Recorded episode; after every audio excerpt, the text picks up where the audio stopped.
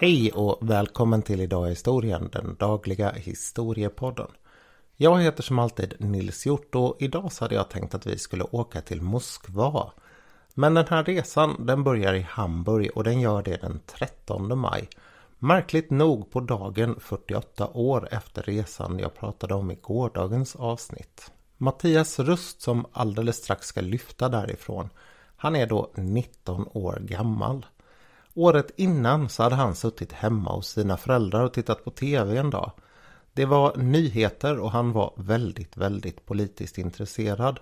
Han menade att Tyskland med sitt geografiska läge och som någon form av mittpunkt för spänningarna mellan öst och väst i världen skulle drabbas hårdast ifall det inte blev någon form av avveckling eller avspänning kanske man ska säga.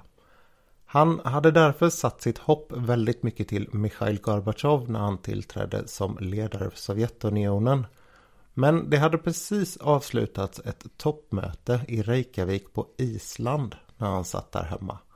Och det här mötet det hade inte lett någonstans. Han menade att det var Ronald Reagan som kanske var lite för offensiv och som inte litade tillräckligt mycket på Gorbatjov. Han började därför fundera på vad han skulle kunna göra för den här situationen och han utgick från en idé om att varje människa gjorde ett litet bidrag till mänsklighetens framgång. Hans bidrag, menade han, det skulle han skapa genom att använda det han kunde, nämligen att flyga. Efter en tidsfunderande så kom han fram till att han skulle ta ett flygplan och flyga till Moskva. Det här det skulle inte bara göra att han fick möjlighet, förhoppningsvis kan man väl tillägga, att träffa Mikhail Gorbatjov utan också att han skulle kunna skapa ett slags symbolisk bro mellan öst och väst. En bro som skulle visa att om han kunde komma fram till Moskva så skulle väst kunna lita på att Gorbatjov egentligen menade att det var en ny linje från Moskva. Mattias Rust gjorde sig ingen som helst illusion om att det här var ett väldigt farligt upptåg. Han säger själv att han räknade med att det var ungefär 50-50 att han skulle dö. Den 13 maj så börjar han alltså flyga och det är med sin flygskolas flygplan. Sammanlagt så har han då flugit i några år och har skrapat ihop 50 timmar, vilket inte är sådär jättemycket. Till sina föräldrar så har han sagt att han ska ta en tur över Nordeuropa för att få ihop lite ytterligare timmar som han ska kunna räkna mot sin kommersiella licens. Han ville alltså bli pilot på ett större flygbolag. Men egentligen så hade han ju något helt annat i kikaren. Och för att kunna göra det så menade han att han behövde märka att han var tillräckligt duktig på att flyga. Testet han hade satt upp för sig själv det var att flyga till Reykjavik, platsen för det här mötet han hade blivit så besviken på. Så från Hamburg så flög han först till Shetlandsöarna norr om Skottland. Där sov han en natt innan han flög vidare till Färöarna där han också stannade en natt. Och sen fortsatte han rakt ut över öppet hav tills han kom till Island. Han stannade en vecka i Reykjavik och tittade runt på olika ställen. Bland annat så besökte han det här huset där toppmötet hade misslyckats. Och nu började han känna sig ganska säker på sin flygning. Det blev ju lite mer uppenbart att han visste vad han gjorde när han hade klarat en så här lång resa själv. Han vände sedan tillbaka till Färöarna och efter att ha mellanlandat där så vek han av rakt österut nästan mot Bergen i Norge. Där stannade han återigen en natt och sen flög han rakt över Sverige och till Helsingfors. Och det här var ju sista då området han landade på i väst. Och det märks att han visste att det här var en speciell plats och en speciell dag. För att han sov väldigt, väldigt oroligt dagen innan han hade planerat att flyga. På förmiddagen där så begav han sig ut till Malmö flygplatsen i Helsingfors. Och han sa till folket som arbetade där att han tänkte lyfta och sen bege sig till Stockholm. Själv så var han här ännu inte säker på ifall han skulle våga flyga mot Moskva. Men han lyfte och for iväg. Och när han hade kommit så pass långt bort att man från Malmi meddelade honom att nu är du utanför vårt rad eh, radarområde så stängde han av sin transponder, den här sändaren som gör att det blir lättare att se vad flygplanet är. Och sen stängde han också av radion Och han beskriver lite som att händerna agerade själva när de la om kurs kursen nästan rakt tvärt emot. Alltså raka vägen mot Moskva istället för Stockholm. I Tammerfors så märker man att det här flygplanet har gjort en väldigt konstig vändning. Och man börjar försöka lista ut vad det är han håller på med. De vet ju att det är ett tyskt flygplan och blir lite förundrade när han flyger in över område som är förbjudet och endast tillåtet för finska militärflygplan. Men de tappar ganska snart honom från radarn och det blir mer oroväckande när en helikopter som är på väg tillbaka säger att den har sett lite bråte och olja i vattnet. De blir ganska övertygade om att den unge tysken har störtat och skickar därför ut en ganska omfattande räddningsinsats med bland annat dykare som ska försöka hitta flygplanet och honom. Rust han var vid det här laget på väg in över kusten i dagens Estland. I grannlandet Lettland så fanns det en stor radaranläggning i Skrunda och den hade plockat upp det här flygplanet och visste att det här det är inget av våra flygplan. Man tilldelar honom ett stridsnummer och sen ska man börja försöka kolla upp det här flygplanet. Det slutar med att ett jaktflygplan ser honom en kort stund och tycker att det är märkligt att ett sportflygplan finns där. Av någon anledning så går man dock inte vidare med de här uppgifterna och Rust han vet ju inte själv om att det här har hänt så han fortsätter ganska lugnt. Han ligger på 2 500 meters höjd över vattnet och det gör att han vet att under hela resan, han flyger i en helt rät linje, så kommer han hela tiden att hålla sig minst 300 meter över marken. Resan går som han i efterhand beskriver det ganska mycket på autopilot. Han känner det nästan som att han är utanför sin egen kropp och bara tittar på. Det är dessutom en väldigt välplanerad resa. Han vet hur långt det är att flyga och att han kommer att resa ungefär 75 mil över sovjetiskt territorium. Sammanlagt så ska det här ta fem och en halv timme och under den här tiden så händer det en hel del konstiga saker. Inte i flygplanet, där inne har han det ganska lugnt och skönt. Men nere på marken så är det en så pass stor förvirring att det kommer få konsekvenser inte bara för hans resa utan faktiskt för hela Sovjets framtid och nu överdriver jag faktiskt inte. Det enda han märker som egentligen är konstigt med den här resan eller som blir ordentligt obehagligt för honom. Det kommer en eh, två och en halv, tre timmar in på färden. Medan han då sitter där och flyger så drar det förbi någonting stort och svart väldigt fort, väldigt högt. Och sen helt plötsligt ur molnen framför honom så kommer det ett jaktflygplan. Det här flygplanet det vänder sen runt och närmar sig honom underifrån och bakifrån och lägger sig sedan jämsides med honom. Det är en MiG-23 och det är alltså ett vid den här tiden ganska modernt sovjetiskt flygplan. Det flygplanet som Mattias Rust flyger det är en Cessna 172 och det är ett av världens vanligaste privatflygplan och flygplan som används av flygklubbar. Det började tillverkas 1955 och det tillverkas fortfarande faktiskt. Att säga att Mattias Rust satt i en Trabant och att den här andra killen satt i en Bugatti Chiron skulle vara en underdrift vad det gäller prestandan på de här. Så fruktansvärt överlägset var ett jaktflygplan redan på den här tiden. När Rust försöker flyga fram där så smidigt går i sin Cessna så ligger han lite drygt över 200 km i timmen. Jaktpiloten som nu har lagt sig jämsides han får istället kämpa ordentligt för att kunna flyga så långsamt. Det är verkligen med alla medel för att hålla farten nere och flyg, alltså lyftkraften uppe på det här flygplanet. Och jag kan säga så här att Cessnan det har en hastighet som man aldrig någonsin får gå över. Det är 302 km i timmen.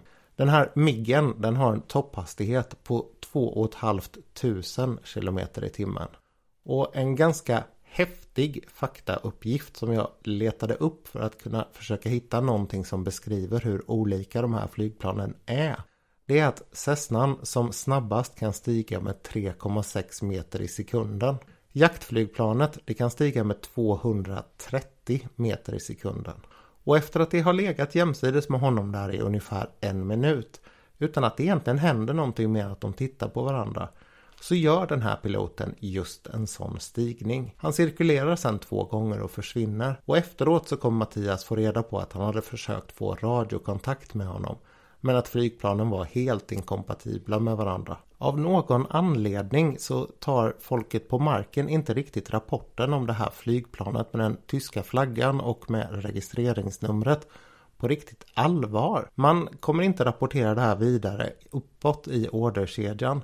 Och när man senare ska lämna över ansvaret från Leningrad, alltså dagens Sankt Petersburg, till Moskvas militärområde då säger man bara att det är ett flygplan som är på väg över som är vänligt men som inte har märkt sig, alltså med sån här eh, transponder som ett eh, vänligt flygplan. Jag ska förklara det där lite bättre strax. Och man säger heller inte att det här flygplanet har dykt upp över Finska viken och haft rak kurs mot Moskva hela tiden. Det är en av de märkligheter som gör att Mattias Röst faktiskt lyckas med detta. Och det här med den här transpondern alltså, det är en liten sak som sänder ut en signal. Otroligt nog så ska den ställas om med jämna mellanrum på sovjetiska flygplan vid den här tiden. Allting är ju väldigt hårt statligt kontrollerat och det finns ju inga privata flygplan i Sovjet vid den här tiden.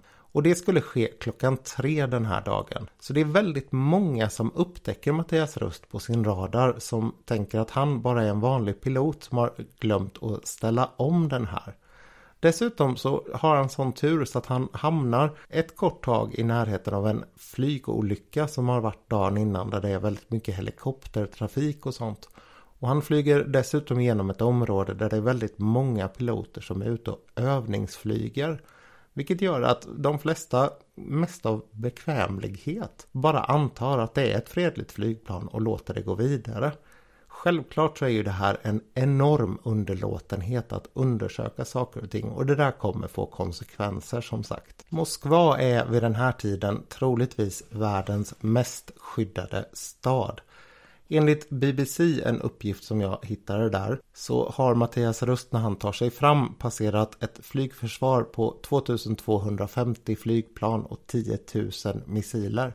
Man hade en järnring, eller egentligen flera steg av en järnring runt Moskva där det var missiler som skulle skjuta ner militärflygplan om de försökte bomba. Och det är när han kommer fram till den sovjetiska huvudstaden Moskva som man inser att nu har någonting gått rejält åt pipan här.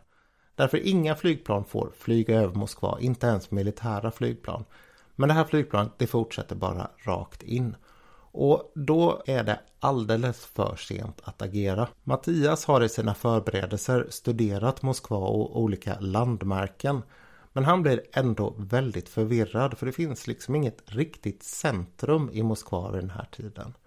Han får sikta på olika byggnader och sakta men säkert jobba sig fram mot Röda torget. När han kommer dit så överväger han en stund om han ska landa inne i Kreml, alltså det här slottet där man har det politiska centrat. Han kommer fram till att det är mycket bättre att landa på Röda torget för där kommer det finnas fler vittnen.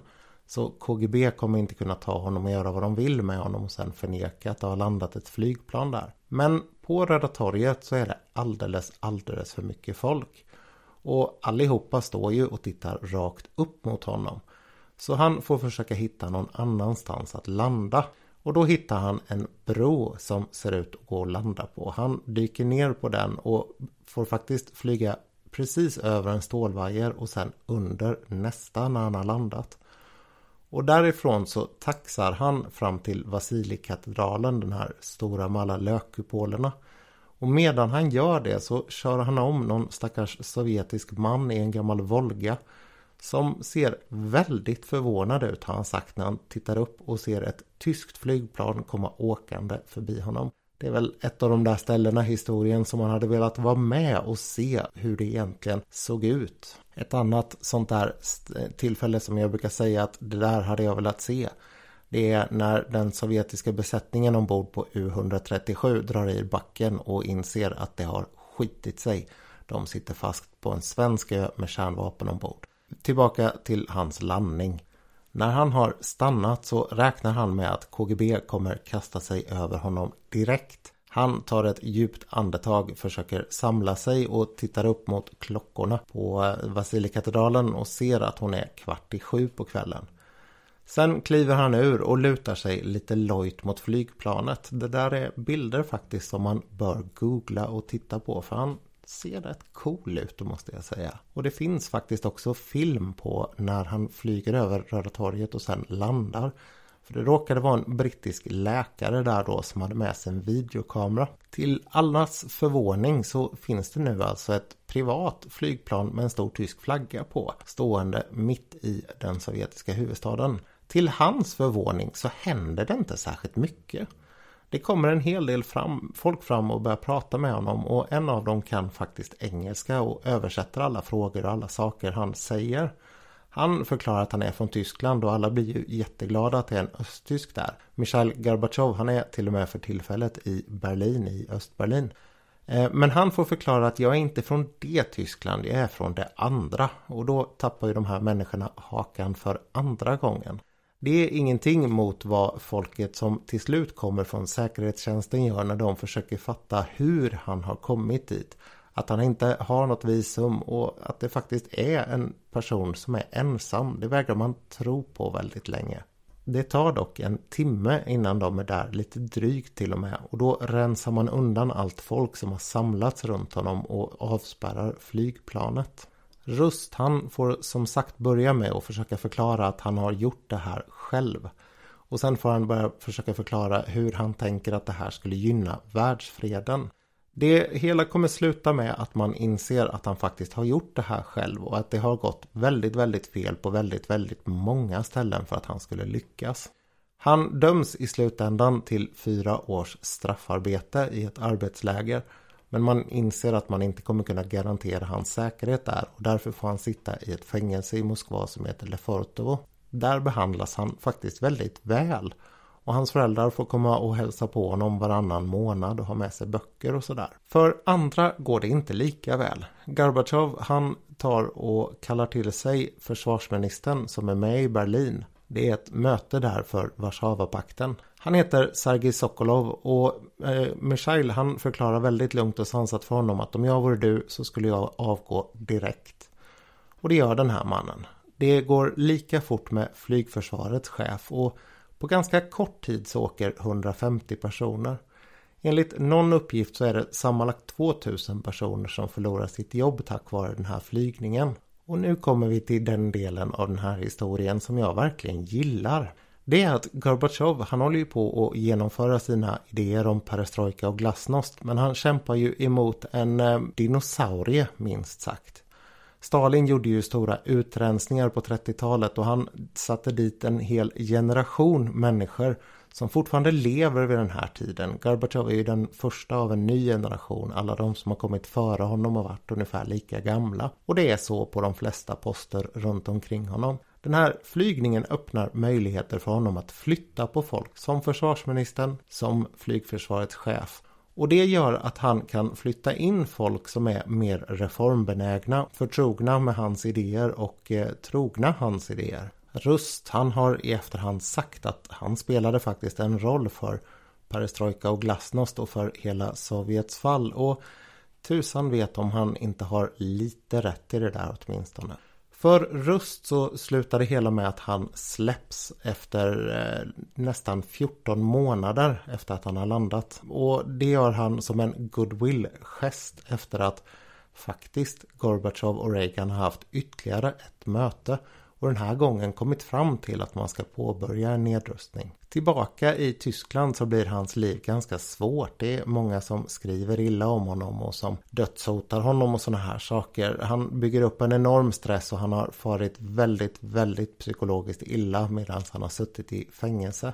Det hela utmynnar i att han knivhugger en tjej lite senare under lite märkliga omständigheter. Han gör en sån här vapenfri lumpen som väldigt många tyskar gör och han är på ett sjukhus. Han försöker bjuda ut henne och i hans egna ord så börjar hon gapa och skrika och anklaga honom för en massa saker i det här läget. Varpå han får en blackout och knivhugger henne. Ehm, ja, jag vet inte vad man ska säga om det där annat än att det bara är sorgligt. Men han har repat sig efter det här. Han bryter ihop och han har varit utomlands. Hon klarar sig väldigt bra också.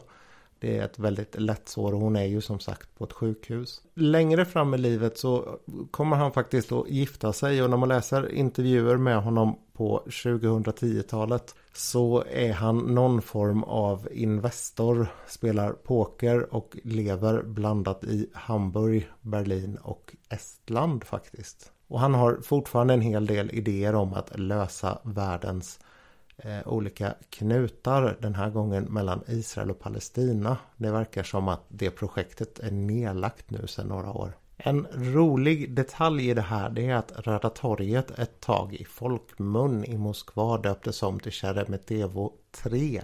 Sheremetevo är alltså flygplatsen i Moskva och den har två landningsbanor. Den tredje skulle då alltså vara Röda torget. En annan ganska oväntad konsekvens av det här det var att flygklubben där hemma i Hamburg de lyckas efterhand sälja det här flygplanet för mer än dubbla värdet vad det kostade att köpa in det. Så de får ju lite extra klirr i kassan där. Och en lite oväntad detalj som jag faktiskt vill nämna det är att Mattias Röst har aldrig flugit efter det här igen. Alltså med sig själv som pilot menar jag. Jag vill passa på att nämna två saker om tidigare poddar också och det var ju att jag hävdade häromdagen att Jesse Owens sprang 100 meter på 9,4 möjligen 9,3 det är fel. Det hade fortfarande varit världsrekord. Han sprang 100 yards, alltså lite drygt 90 meter. Och sen igår så missade jag att säga att Gustav Schröder, den här kaptenen på MS St. Louis, han blev hedrad av israelerna som rättfärdig bland folket. De har en minnesorganisation för, eller minnesmyndigheter till och med, för förintelsen som heter Yad Vashem och de gör så här med personer som har räddat folk. Det är lite på samma sätt som att Oskar Schindler har fått en sån. Med det sagt så vill jag tacka för att du lyssnade idag och jag hoppas att du återkommer imorgon. Tills dess, allt gott!